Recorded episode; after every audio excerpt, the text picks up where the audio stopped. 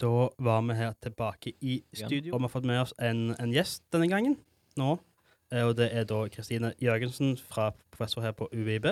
Ja, det deg. Eh, Og du er eh, Jeg har blitt fortalt om deg som professor i gaming, men jeg antar det ikke er din offisielle tittel. Nei, dessverre så er det jo ikke det. Eh, nå er jeg eh, noe såpass kjedelig som professor i medievitenskap. Ok, eh, Litt mer off, off. Litt, litt mer offentlig akademisk, ja, men fortsatt veldig interessant eh, felt, vil jeg si. da. Ja, altså, nå vet ikke hvor generelt vi skal gå inn i det her, men, eh, men medievitenskap er jo et sånn allround-felt som eh, på en måte inkluderer både Kan inkludere alt og ingenting. Ja, det var kanskje litt teit å si om et eget felt at det kan være ingenting, men poenget er det at det er ganske Det er jo ganske tverrfaglig. Det er, har jo perspektiver fra alt fra sosiologi, litteraturvitenskap osv., psykologi osv., kunstfag. Eh, så det er jo selvfølgelig plass til dataspill der også. Og eh, mange mener jo at dataspill er et medium. Jeg er blant de som mener at dataspill absolutt er et medium som på en måte har eh, muligheter til å på en måte presentere budskap som andre medier. Eh, og eh, ikke minst har evnen til å på en måte eh, eh, berøre oss på, på mange måter som, som eh, det andre medier gjør. Kanskje det som gjør dataspill til noe litt annerledes enn mange av de, de, de tradisjonelle mediene, er jo det noen ville kalt for interaktivitet. Men hva er det egentlig interaktiviteten gjør? Jeg mener jo at det er bare nok en måte å representere ting på. Nok en måte å kommunisere med, med, med tilskuerne, eller spillerne i dette tilfellet, på. da. Eh, og det gjør at eh, jeg synes at dataspill er ekstra spennende. da. At det har mer å spille på enn det andre medier har når det gjelder kommunikasjon og representasjon. Ja, det er noe vi, vi har snakket mye om tidligere i, Ja. i programmet. At vi, jeg, jeg, jeg personlig mener jo at jeg syns eh, spill er det medium som har mest potensial til å påvirke en, en persons eh, tanker og følelser. Fordi du, du er satt veldig mye mer intimt i fortellingen eller i hva du, du skal oppleve, enn andre medier. At du er, du er tvunget til å samhandle med det. Ja. Et, eh, et, et spill skjer ikke uten spilleren, ja. For liksom, du som regel. i mer tradisjonelle medier som bøker og film, ja, du kan sette deg inn i hovedkarakteren du følger, men ikke på samme måte som i spill, for der, de valgene du tar der, de er faktisk de valgene hovedkarakteren din da gjør. Og det er da det er jeg som spiller som må tenke over om de valgene jeg tar, er de rette, er de feile, hva har det å si for meg, hva vil det ha å si for historien. Så du- jeg føler at da, du lærer mer om deg sjøl som person gjennom å spille et spill og holde på med de valgene du tar der, enn det du kan da gjøre fra å se på både film og å lese bøker, tenker nå jeg. Ja, Det resonnerer jo litt med det en, en spillforsker som jeg eh, har eh, skrevet litt om, som heter Miguel Sicart, som jobber ved IT-universitetet i København. Han snakker om det vi kan på kan kalle for altså medskyldighet, eller med at du er complicit, sier han. Altså nettopp det at, det at du får være med og eh, tilsynelatende ha et, et visst medansvar for de handlingene som skjer, f.eks. mot andre karakterer, eller i, i den fiksjon, fiksjonelle rollen, i, i, i fortellingen, da. Eh, det betyr jo at du på en måte kan eh, nettopp bli eh, Altså, du har på en måte de altså Spillforfatterne da har jo et mye større repertoar for på en måte å, å, ja, involvere deg inn i det på en helt annen måte enn det du kan bli når du, når du bare ser på en film, og uansett hvor mye du identifiserer deg med karakteren, fortsatt bare står på utsiden. Ja, for uh, med det å gå inn på, Du har jo skrevet litt om det, transgression in video games, eller på norsk ville det vært, ville vært grenseoverskridende innhold i spill. Det ville vært, Kunne du bare raskt forklart hva det betyr med grenseoverskridende innhold for folk som Blant annet meg, som ikke som trenger litt, kanskje litt mer tid for å forstå akkurat hva det begrepet innebærer. Ja, altså grenseoverskridning er jo grenseoverskridning, men hva betyr det egentlig? sant? Eh, og det er jo ikke tvil om at en, altså, grenseoverskridelser er jo i veldig stor grad eh, subjektivt opplevd. Altså Noe ting er jo sosialt. altså det finnes, altså Begrepet transgresjon blir veldig ofte brukt i sosiologien, som nettopp for å fortelle litt om ting som, og handlinger som bryter med, med sosiale normer. Eh, For eksempel kriminalitet er en typisk ting som bryter med sosiale normer, men det kan også være det å bryte en norm på eh, i, i køståing, for eksempel, eller hva som helst. Eh, og, så det gjør jo også at, at selvfølgelig kan det være sosialt, være kulturelt, men ofte er jo det også individuelt. For eksempel særlig når vi kommer inn på det å snakke om, om medieinnhold. Altså hva er det som støter deg? Ikke det samme som det som støter meg. Mm. Og det ser man jo veldig tydelig i, i dagens eh, altså kulturdebatter i forbindelse med altså, hva er det som egentlig er greit. å utsette folk for? Hva er det greit? Altså, hva, må man tåle? er jo et veldig, veldig eh, eh, altså, hyppig diskutert tema nå. Eh, så i dataspill så ser man jo nettopp at det er et veldig viktig moment. Og dataspillene har jo eh, vært kritisert helt siden de var unge for f.eks. voldelighet. For at det er mye vold i spill. Og det er det jo. Men spørsmålet er jo nettopp om den volden som man, man, man kan se, eller man som opplever i spill, oppleves det som vold. Og eventuelt når er det for den enkelte spilleren at det oppleves som noe som overskrider deres grenser på den måten at ikke de har lyst til å spille mer, f.eks. Men nettopp det også i seg sjøl skaper jo enda mer spørsmål. fordi at altså det jeg, når jeg spiller, så kan jo jeg oppleve at altså jeg spiller, det er en konkurranse, det er ikke egentlig vold jeg driver med. Men så står bestemor ved siden av og ser på og blir helt forvirret og forskremt over at herregud, se blod, og mm. se hva som skjer. Dreper du virkelig? Har du ingen skam? Så det, det sier jo egentlig litt om, om, om både det at, at det du ser på skjermen, kan på en måte oppleves som grenseoverskridende, men også eh, det jeg opplevde, var at det var ingen som spurte ja, men hva med spillerne. Hvordan har noen spurt spillerne om når synes de at det er grenseoverskridende, og hva er det som eventuelt skiller noen spillere for andre spillere. Så det på en måte var litt av utgangspunktet for um, det forskningsprosjektet jeg hadde om games and transgressive aesthetics. da. Ja, det har vel kanskje noe sånn med, med, kanskje, med konteksten av hva du sånn, Hvis jeg, hvis jeg sitter og spiller GTA hjemme, og jeg bare jeg driver egentlig bare kjører rundt, men så ser foreldre på seg bare Hva holder du på med? Du, du, du bryter reglene? Jeg bare, jeg bare gjør det jeg skal gjøre, eller jeg, jeg er i en, en kamp med noen andre.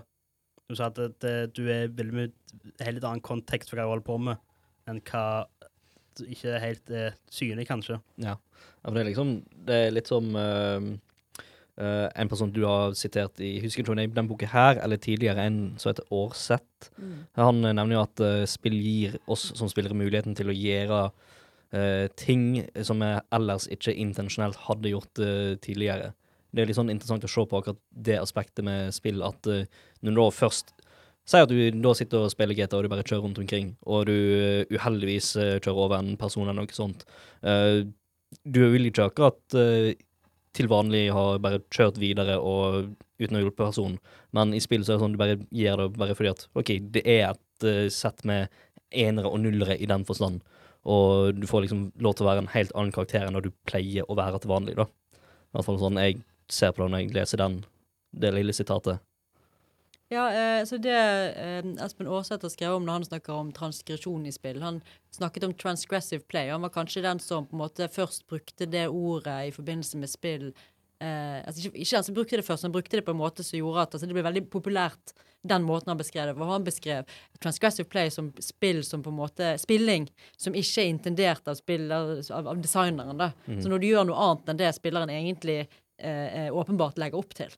Som eksempel når du utnytter bugs, for eksempel, så er det typisk det som han vil kalle for eh, transgressive play. da. Eh, eller hvis du bare nettopp prøver å, å, utforske grensene til hva den simuleringen som spillet har, eh, hva den kan gjøre. Og når du nettopp presser i de grensene og kanskje gjør, opp, opp, opplever at det skjer veldig mye rare ting, så var det han kaller transgressive play. Så det er en slags sånn det, det, den, det grenseoverskridingen han snakker om, det er en slags en sånn brudd mot spillets Ikke nødvendigvis regler, men mot spillets design, mot spillets intensjoner. Mm. Okay. Eh, som jo er noe annet enn hvorvidt altså det, det, er ikke noe som det er egentlig ganske få, kanskje bortsett med, ut, ut, med unntak av spillutviklerne sjøl, som, som, blir veldig provosert over at noen har lyst til å leke med, med grensene ja, i, spill. Ja, det er vel nesten en hel sjanger der folk ja. bare utnytter spillet mest mulig for sånn de skal fullføre raskest mulig. skal gjøre et eller annet. Det er jo en egen sjanger seg sjøl, det. Nettopp, og Espen Aasa sier jo at han mener jo at det er en essensiell del av spilling. Det er jo nettopp å, å, å prøve å utforske disse grensene. Prøve å finne ut hvordan er det egentlig eh, Hva er det som er grensen her? Og lekenhet i seg sjøl, altså play, er jo nettopp basert på det der utforskende aspektet. Det å leke med ja, for, regler, leke med ja, rammer. Så det er vel sånn, så, så, så, du blir jo nesten litt sånn herre over din egen verden, da. Det er vel tanken bak den? Ja, jeg vet jo ikke det. Opplever du at du liksom blir en sånn der uh, stor sånn uh, dark lord hvis du, uh, når du spiller data? ja. Det kommer veldig an på hva type spill det er snakk om nå, men For meg er mer, Hvis jeg får en boks, så vil jeg vite hvor alle de Hvor, hvor er, hvor er hjørnene henne? Hvor er veggen? Hva, ja. hva er, hvor stor er boksen min? Det er jo det som er sånn hva, hva, kan jeg faktisk gjøre? Hvor er ja. grensa? Mm. Og hvor, hvor, er det stopp henne? Mm. Iallfall når det kommer sånn større spill der folk kan gjøre du ikke bare du ikke plasserer på en veldig lin lineær vei. Mm. Men eh, ja, jeg tenker jo at det, jeg, vet ikke, jeg føler iallfall ikke som sånn det er ikke sånn guddommelighet over det. Som du sier, det er litt mer sjanger. altså Kanskje i et, eh, altså, i et RTS eller et eller annet sted du har en sånn top-down. Og hvis du bare er en eller annen karakter i et univers, så føler ikke jeg at det å på en måte teste de grensene egentlig er noe som uh, setter meg i en høyere posisjon. Men det er jo åpenbart at det er en sånn del av en sånn utforskende trang da man har, tenker jeg. Men, men ja, den, det måten Espen Aarseth snakker om uh, transgressive play der, det er jo litt annerledes enn sånn som jeg uh, bruker det. Altså, jeg, jeg anerkjenner absolutt den måten å snakke om det også, og jeg syns det er et veldig viktig, uh, viktig aspekt. Men når jeg snakker mer om sånn transgressive content, så er det rett og slett om innholdet, og i hvilken grad det eh, spillere opplever at det er ubehagelig eller provoserende eller ja, på noen måte liksom spiller på noen noter som ikke de nødvendigvis ønsker å, å, å, å spille på. da, og Eh, og hvor langt skal man gå? Altså, Hva er det som skal til for at en spiller finner ut at nå synes jeg at grensen min er nådd, nå har jeg ikke lyst til å spille mer. Den var jeg litt interessert i. Det, ja, for det Ja. var jo et av de, de punktene altså, så jeg sa det så, så, så tenkte det her kan være gøy å snakke litt om, for når jeg, jeg endelig spilte eh, veldig eh, The Last of Us Part 2, som jeg eh, gjorde meg veldig ubehagelig, og jeg elsker for det, men sånn, det tenkte jeg, ok, hvor, et sånt spill kan virkelig få meg til å Mm. føle at nå ble jeg sint, nå ble jeg sur, nå ble jeg, nå ble jeg sint på spillet. Det her var veldig ubehagelig for meg å se på eller gjøre. Sånn, dette ville ikke jeg gjøre, men jeg gjorde for det var spillet som jeg skulle gjøre. Og så tenkte jeg, Dette er et fascinerende tema jeg har lyst til å Mm. se litt mer på. Mm. Det var sånn det spillet sånn, så der, der må jeg finne, finne mer ut av. Ja, men Det er jo en ting som du nevner Jeg husker ikke om du har nevnt det i boken, men jeg vet at du nevnte det på den forelesningen. Eh, hvordan du da kan ha det som blir sett på som godt ubehag og dårlig ubehag i spill. Og det er jo litt der du forklarer noe med The Last of Us, er jo et godt ubehag. At de har gjort det på en god måte, at du fortsetter med det, men du, har, du føler ikke at du Du har et sånn sterkt ubehag til å måtte gjøre det, for at det er ikke sånn du er som person, tenker jeg. Ja, det, er ikke sånn, det- er ikke sånn jeg måtte skru av Ja. ja. konsoll, men, Men om det, om det er noe du har lyst til å utdype litt mer nå, Mm. kanskje? Ja, det kan jeg jo absolutt godt snakke litt om. Jeg syns jo det er veldig, eh, veldig spennende. Og det var jo på en måte en av de spørsmålene jeg stilte eh, de deltakerne mine i de fokusgruppene, om de kunne liksom beskrive det en forskjell på et u positivt og et negativt ubehag i spill.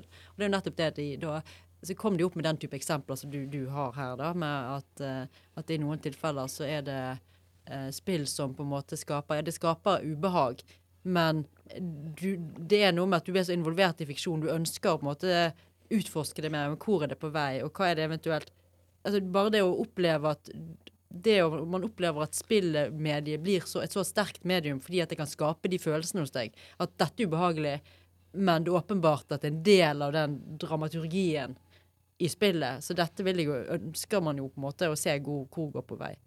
Eh, og så bare det at det sier at du opplever jo kanskje at du lærer litt om deg sjøl. For at hvis du på en måte har den responsen til det, så kan du på en måte sette deg inn i situasjonen til de karakterene. Og hvordan de kanskje føler det i den, i den situasjonen. Men eh, jeg så jo det i, i studiet mitt at jeg, jeg, jeg sa jo at altså, de situasjonene der spillere opplever at det ubehaget eh, de har, at det er et meningsfullt ubehag. At det skaper noe ekstra til den fiktive eller spillsituasjonen de er i. Så var det en måte altså det, det var noe som gjorde at spillerne hadde lyst til å på en måte altså Da var de villige til å takle mer ubehag. Da var de villige til å altså de, de, de lå gjerne ikke fra seg spillet når det var den type ubehag. Det er da de ville spille videre. De vil vite hvor dette her, her ender. Mm. Og jeg så jo det at spillerne har jo på en måte ulike hva skal vi kalle det for, teknikker for å på en måte håndtere eh, ubehag i spill. da, Som gjør at de på en måte, som gjør, gjør at de er villige til å spille videre. Eh, Og dette var jo en av de. Et annet eksempel var jo det for eksempel hvis det nettopp var med en gang det var puttet inn i en humorkontekst, så var de også villige til å akseptere mer, selv om de kanskje ikke aksepterte humoren. For eksempel hvis de synes at, at, at eh, altså, Ting som at for eksempel hvis det var eh, vitser, altså det kunne være misogynistiske vitser, eksempel, som, eh, som de på en måte i ingen måte sto inne for sjøl eller syntes var noe særlig morsomme. Men da kunne de si at ja, men OK, spillutviklerne har prøvd å gjøre dette morsomt. Så da blir det litt sånn OK, da er det jo litt Det gjør det mildere, men fortsatt smakløst, på et vis. Så da kunne hende de også var villige til å på en måte spille videre, selv om de ikke på en måte var, var med på vitsen, da, kan du si det på den måten. Og andre tilfeller er jo nettopp det at det er så interessant med dataspill, som jeg nevnte innledningsvis, er jo det at dataspill på en måte har så mange strenger å spille på når det gjelder det å fortelle fortellinger og det å representere. Eh, og det man ser på spill, er at sant? spill de forteller gjennom fiksjonen, representasjonen, og de forteller gjennom spill, altså game mechanics, gjennom simulasjon, kan man kanskje si det. Si det. Og det betyr at spillerne kan på en måte velge eh, hvilken av de to de vil holde fast ved. Så selvfølgelig, De fleste spillere velger kanskje en kombinasjon av det i de fleste situasjoner. Men i noen situasjoner, f.eks. hvis de da opplever at, at selve spillinnholdet blir smakløst eller ubehagelig eller noe de ikke står inne for, så velger de å se bort ifra det, og så fokuserer de på spillet bare noe, som noe som skal vinnes. Altså et, bare som et spill, så ser de vekk fra fiksjonen. Det så vi også et eksempel på. Du, du har jo nevnt at du har, du har drevet med øh, forskning også, øh, med, med spillere. Når du gjør sånn, hvor, hvor er sånn Hvordan er utførelsen på noe sånt? Hvordan er det et, et, et sånt prosjekt foregår normalt? Normalt og normalt, ja. Det var jo det, det, det, det, normalt. Vi kan jo ta nyeste ganger. Sånn, hvordan ville det vært utført? Ja, altså, Tenker du på spillforskning, den type spillforskning jeg gjør sånn mer generelt, eller akkurat konkret opp mot dette prosjektet her? Men det, vi kan ta, ta det på prosjektet her. Ja. Mm. Nei, for jeg er jo en kvalitativ forsker, så vil si at jeg er jo opptatt av å forstå altså, spillernes eh, erfaringer med mediene, da, og jeg vil gjerne, gjerne gå så langt inn i de som man kan. Eh, og da tenker jeg at det er viktig for meg å prøve å finne ut hvordan altså, hvilken måte kan, de, måte kan det dokumenteres. Og det merker jeg at er jo ganske vanskelig. Selvfølgelig kan jeg intervjue folk, og det gjør jeg i veldig stor grad. Intervjuer de, og vi snakker om spill sånn som vi gjør nå. Eh, bare så for at de snakker mer og jeg snakker mindre. Eh, men, eh, men jeg ser jo det at Det har jeg sett helt siden jeg begynte med det her, at det er veldig vanskelig å klare å få kontakt direkte med altså den spillopplevelsen de har mens de spiller. Altså Hvis jeg intervjuer folk mens de spiller, så blir jo de distrahert.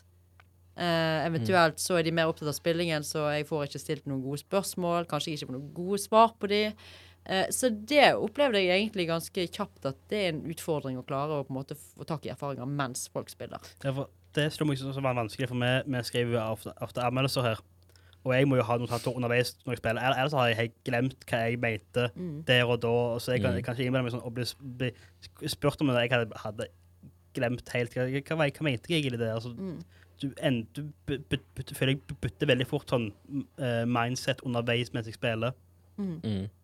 Det, det, man gjør jo det, og så er det jo eh, Ja, så det er jo mange utfordringer der. Men helt konkret akkurat i dette prosjektet Altså, jeg har gjort det på ulike måter i ulike prosjekter, men i dette så tenkte jeg at uh, det er noe med at altså, den type spillopplevelser som jeg var interessert i, altså dette med uh, å på en eller annen måte få en eller annen ubehag når man spiller, det er også noe som man kan Det er veldig vanskelig å isolere det ned til bestemte segmenter. Altså for eksempel Vanligvis så er jeg jo, hvis jeg intervjuer noen, så intervjuer jeg de kanskje i en time. Eh, og noen ganger har jeg intervjuet folk mens jeg på en måte, jeg har observert dem mens de spiller. Vi gjør et opptak av de som spiller, og så snakker vi om opptaket etterpå. Eh, det kunne jeg jo så vidt gjort her også, men nettopp det at folk gjerne altså, Da måtte jeg i så fall isolert noen timelange utdrag fra et spill som skulle få folk til å spille. Og det hadde jo også blitt veldig utenfor all kontekst. Det første så hadde jo jeg gitt helt konkret et bestemt eksempel som jeg da allerede hadde sagt at dette her er ubehagelig. Og det ville vært eh, ganske biased i utgangspunktet. Men så er det jo også hele den situasjonen om at det ville vært sånn utenfor kontekst hvis du bare, bare får en eller annen løsrevet liten seksjon fra et spill. For jeg ville jo at folk skulle spille hele spill, og så skulle de fortelle meg om måte, hele opplevelsen, og eventuelt også om de opplevelsene av ubehag de hadde underveis. Så hva gjør jeg da? Nei, Så da bestemte jeg meg for å, å, å utsette disse menneskene for eh, spilledagbøker. Eh, det vil si at de, eh, de spilte spillene hjemme hos seg sjøl. Spilte når de ville, og så lenge de ville. Og hver gang de hadde spilt, så skulle de fylle ut. Da hadde de en sånn online journal da, der de skulle fylle ut eh, om hva de spilte i dag, hvordan de spilte, hvilket, eh, hva de følte om det de hadde spilt. Eh, og så gjorde vi et, også et, et oppfølgingsintervju for å få litt mer sånn detaljer i, i, på de tingene de hadde skrevet i den journalen sin. da. Men det gjorde at da kunne spillere spille på en måte i, i ro og mak hjemme hos seg sjøl. De kunne nettopp spille gjennom et helt spill. Eh, men de kunne også måte begrense seg hvis de sjøl fant ut at dette her liker jeg ikke. Av ulike grunner. Det kan bare være at de kjedet seg. Eh, så kunne de stoppe også når de ville, og så kunne vi snakke om det. Så jeg fikk også muligheten til å, å gripe an den spillopplevelsen på en helt annen måte enn det jeg, det jeg vanligvis ellers ville gjort. Så det syns jeg var veldig veldig verdifullt akkurat i dette prosjektet. Ja, for du hadde vel Til den fokusgruppa hadde du vel eh, fem spill, var det vel? Så vidt jeg husker. Jeg hadde jo også, et hadde også fokusgruppeintervjuer Ja. innledningsvis. Ja. Eh, og det var mer for å måte kartlegge litt, få en slags idé om, eh, om altså holdninger. da, For det er ofte det du kan kartlegge når du på en måte har mennesker som sitter og diskuterer i et rom sammen. Ja. Så liksom holdninger, eh, du får litt sånn kanskje opposisjoner osv. Og, så og ikke minst så kunne de fortelle eh, litt sånn f- altså, helt fritt om ulike former for spillopplevelser de hadde hatt. Eh, og da kunne de trekke inn spill der. Hadde jeg, jeg kom også med noen eksempler på spill. Eh, basert på ting jeg hadde sant? Jeg hadde gjort min research på internett og lest om altså, på forumer hva, folk, hva er det folk synes ubehagelig. Hva er på en måte topp ti verste spillene de kunne tenke seg, osv. Den type ting hadde jeg lest for å på måte kunne, kunne komme til fokusgruppen og, og si ting som ja, men jeg har hørt om dette spillet, hva tenker dere om det, kjenner dere til det? Så jeg, jeg kom inn med noen eksempler på spill som vi diskuterte, men det var mer som utgangspunktet for at de også skulle på en måte vite hvilke type opplevelser på, eh, var på jakt etter, og at de kunne trekke inn sine egne eksempler i tillegg. Så brukte jeg det som utgangspunkt da, for å velge ut spill til eh, disse her eh, eh, journalene som folk eh, eh, fylte ut seinere. Mm. Og det var jo andre spillere enn de som var med i fokusgruppene. Ja, for jeg synes det For min del, da jeg leste gjennom det, jeg syns det var veldig interessant å se på hva de forskjellige spillerne sa om det samme spillet, hva de mente var ubehagelig og ikke ubehagelig. Uh, for eksempel uh, Det var noen som De hadde spilt gjennom GTA, de så selve satiren bak spillet, men det var ikke alle som mente at uh, det hadde like mye å si for deres del, for de kom bare til å gjøre samme ting, at de skulle stjele biler og kom til å drepe en person eller noe sånt. Uh, så det var veldig interessant å se på hva de forskjellige informantene sa da, Mm. i det studiet. Ja, altså Grand Theft Auto 5, det var det spillet vi altså, Spillere snakket jo litt om alle, men det var det vi brukte mest som et sånt case eh, i, i, eh, i dette prosjektet, og som jeg utsatte de her journalførende spillerne for også.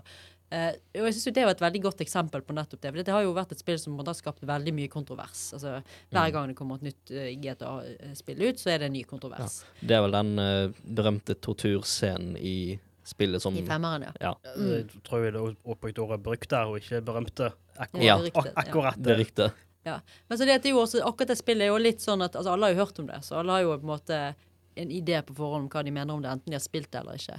Men, men samtidig så ser man jo, og man ser jo det i den offentlige samtalen nå, at folk mener veldig mye om det. Forskjellige ting. Så noen sier ja, men det er jo bare satire. Det er jo ikke så Altså, det er jo Hvorfor kan man ta dette så seriøst? Mens andre blir jo uh, dypt forarget. Og hele det spekteret så jo jeg også. Altså, det var jo ingen som ble dypt forarget i mitt, uh, i mitt studie. Men, men at, uh, at folk har en veldig, veldig forskjellig opplevelse av det helt samme spillet og helt samme scenen i et spill, det var veldig, veldig tydelig. Og litt det som jeg var inne på tidligere med det at noen syns det blir mildere når det er humor. Og det så vi jo her også. At annet eh, en av de som jeg intervjuet som var veldig kritisk til spillet, hadde spilt det. Det var ikke en av disse som bare har hørt om spillet og, ikke, og kritiserer det basert på, på noe de ikke kjenner til. Hun hadde spilt det mye. Og hun syntes at den torturscenen var særlig litt sånn bare teit. Det at de prøvde å gjøre det morsomt, var bare teit. Ja, jeg, jeg tenker jo det at eh, det vi kunne se i det studiet, var at det var jo, var jo ingen som på en måte ikke forsto at det er satire. Spørsmålet er liksom hvor godt de opplevde at det traff, da. Og hvor, hvor relevant den satiren var. Og det er jo også sånn at det er jo Jeg tror det er også et signal på hvordan satire generelt sett oppleves. At det er på en måte en sånn Jeg tror noen har sagt det, at det er en veldig sånn eh, En sånn eh, du skal være veldig flink til å klare å mestre den kunstformen som satire er. da, For det er så lett å på en måte, altså det er hit and miss på denne. Det er så lett å bomme. Eh, men hvis du treffer, så treffer du gjerne godt, men da treffer du kanskje bare et segment av befolkningen. Og det tror jeg GTA er et veldig godt eksempel på det. da. Ting som eh, var litt interessant med selve studiet, er jo der du går inn på flow, altså når du spiller eller holder på med en aktivitet bare for aktivitetens skyld, og hvordan da Uh, du gjør samme tingen om igjen om igjen, og til slutt så kan du da føle at det blir litt sånn kjedelig, og at da vil ødelegge spillopplevelsen. Det er vel noe som i hvert fall alle som holder på med spill og egentlig aktivitet generelt sett, kan føle seg eh, Eller kjenne seg veldig igjen i, da. Hvis det er noe du har lyst til å utdype. Ja, Um, jeg vet ikke hvor langt jeg skal gå inn i selve det flow-begrepet, sånn som det både opprinnelig er tenkt og eh, innenfor for spill. Men altså det er jo et en, en, Det jo, det stammer jo fra psykologien, da, det som du sier. Det, liksom det, det å være inne i en opplevelse, og du gjør den for sin egen del, og du kanskje mister på en måte all følelse av tid og sted, og, og ja, tiden flyr av, av gårde. Det er jo noe som man absolutt kjenner igjen i, i, i dataspill. Eh, men vi, vi ser jo også at innenfor eh, spilldesign så har man på en måte brukt den litt mer detalj, detaljrik variant av den, den teorien som nettopp ser på at for, for å ha den flow-staten, flyttilstanden, eh, så må man på en måte være på et nivå der man på en måte ikke opplever at det man gjør er for utfordrende, men heller ikke for enkelt. Mm. Så det er på en måte det mange spilldesignere prøver å, å, å få til, er nettopp få den der, den der sweet spoten der, da. Men vi ser jo det at med en gang du snakker om, om spill som eh, altså som er transgressive da, eller grenseoverskridende, så kan du risikere at du bryter med det. For eksempel, veldig ofte fordi at det blir for voldsomt. sant?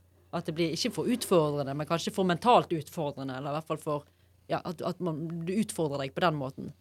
Eh, og det vil man jo selvfølgelig. Man ønsker jo kanskje å leke med den siden i visse former for transgressive spill, men du har ikke lyst til å gå helt over der at folk bare synes dette blir for mye, og så slutter man. Men så har du nettopp den motsatte. du kan, Vi kan se det at i noen tilfeller så, så kan f.eks. det å Altså for mye vold i spill kan ende opp i den kjedsomme siden. Et av de spillene vi brukte i dette prosjektet, det er et uh, spill som heter Hatred. Uh, og som, uh, da det kom, så ble det, ble det omtalt som det mest voldelige spillet noen gang. Eh, og det var et åpenbart et spill som på en måte prøvde å, å være provokativt for å provosere. Der på en måte de hadde en veldig liten fiktiv ramme, men som, som understreket at eh, du, du Den personen du spiller, det var en, eh, en person som skulle ut og, og, og ja, bare gjøre masse mord, drepe så mange som mulig, men ikke hadde noen klar motivasjon for hvorfor han gjorde det. Og så var han kledd i svart frakk og hadde eh, langt svart hår og skulle liksom se ut som en sånn avviker, da, for å si det sånn med gåseøyne. Det, det, det her er vel et, et spill som jeg, jeg husker det ble, ble fjerna fra, fra Valve Mm. eh, fordi det var ekstremt voldelig, Mm. og så ble det tatt tilbake eh, eh, med en unnskyldning fra Gabe Newell, Mm. som Ja, sier litt. Det er jo litt, også litt illustrerende der, fordi at uh, når man spiller det spillet, og det så jo jeg i, i mitt studie også, er at, at mange synes jo at det er ganske sånn usmakelig start, utgangspunktet. Og noen liksom venter jo på ja, men vi må jo få vite hvorfor han er så sint på verden, han der. Og det får du aldri vite, da. Så jeg er jo selvfølgelig også et understreker dette spekulative. Men det de så, var det at uh, når de hadde spilt litt, så opplevde de egentlig ikke at Altså den, den ideen om altså man, Det å føle ubehag forsvant ganske raskt. Eh, og ikke bare forsvant den, det ble egentlig ganske kjedelig etter hvert. Fordi at dette spillet er ikke et spesielt, eh, ikke et spesielt godt spill. Det er et ganske middelmådig spill. Eh, og det kunne nok krevd litt kanskje ekstra jobb med å, å gjøre det utfordre på en, på en, på en spennende gameplay-messig måte. Og det er det ikke. Det er rett og slett bare et ganske kjedelig spill. Så det at det falt egentlig gikk veldig raskt fra den der at først var det litt sånn utenfor flow-skalaen ved at det var for uh, ubehagelig. Men så gikk det veldig raskt og det hoppet helt over i andre kanten, der det rett og slett ble for, uh, for kjedelig igjen. Ja, så spiller kanskje litt, sånn, litt for mye på sjokkverdien av at det, å, det er veldig mye vold, men så det, det var ingenting bygd bak det, den sjokkverdien.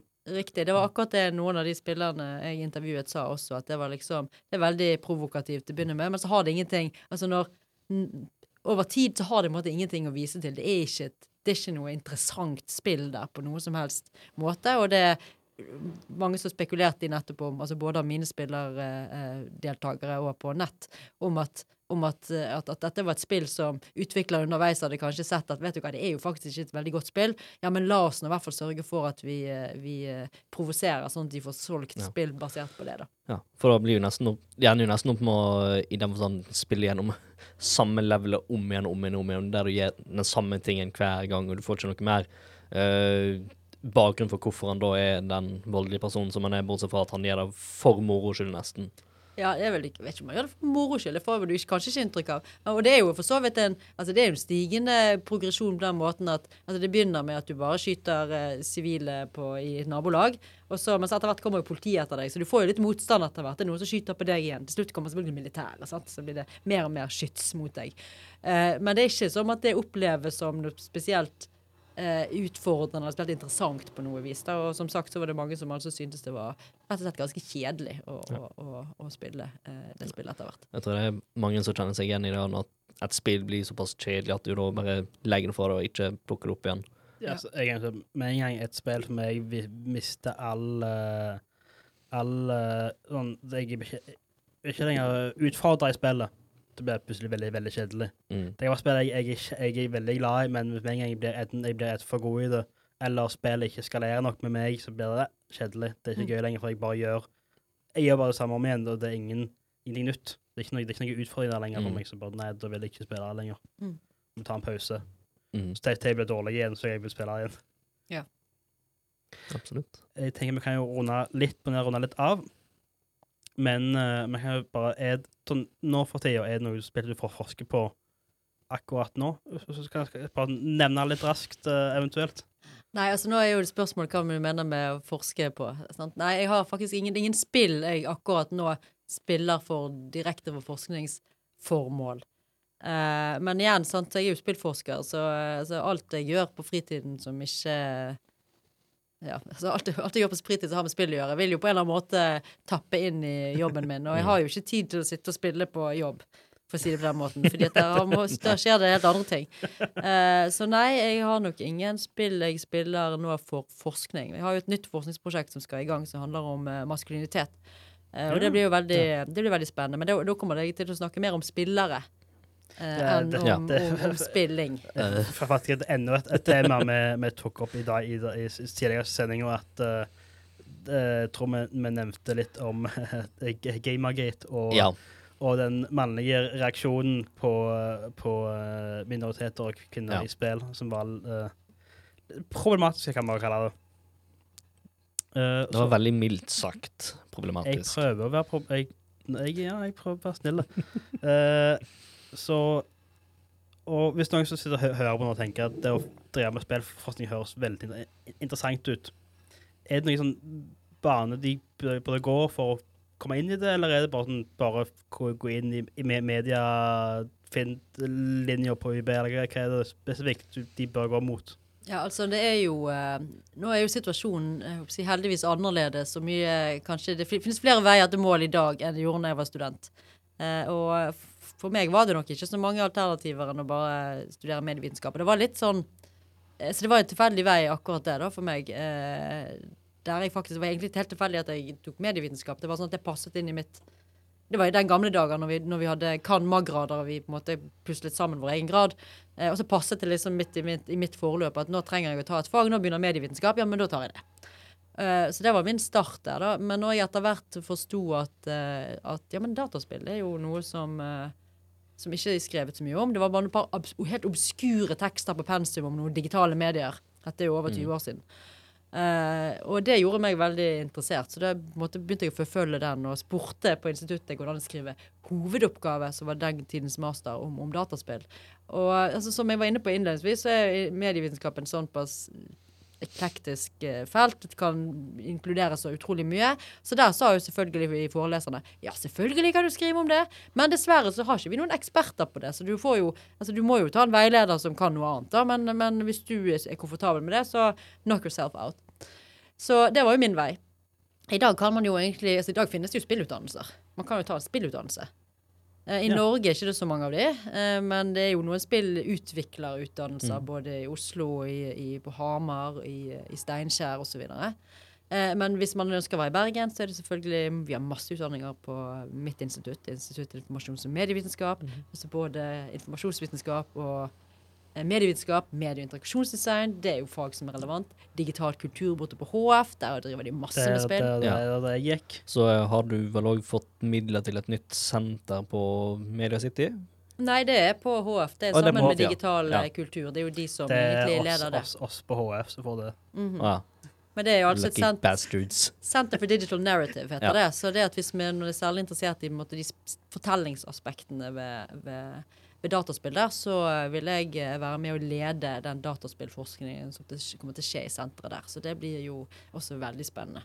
Og selvfølgelig, der vil det være plass for masterstudenter som er interessert i det, og da kan de komme med fra hvilke som helst andre eh, bakgrunner eh, og ja, bli del av et miljø hos oss for å snakke om, om spill og alt. Og jeg tror at med det så kan vi runde av. Takk, tusen takk for at du ville komme inn. Ja, Det var for veldig hyggelig å ha en, mm. en prat med faktisk føler kan, kan litt mer enn oss, kanskje.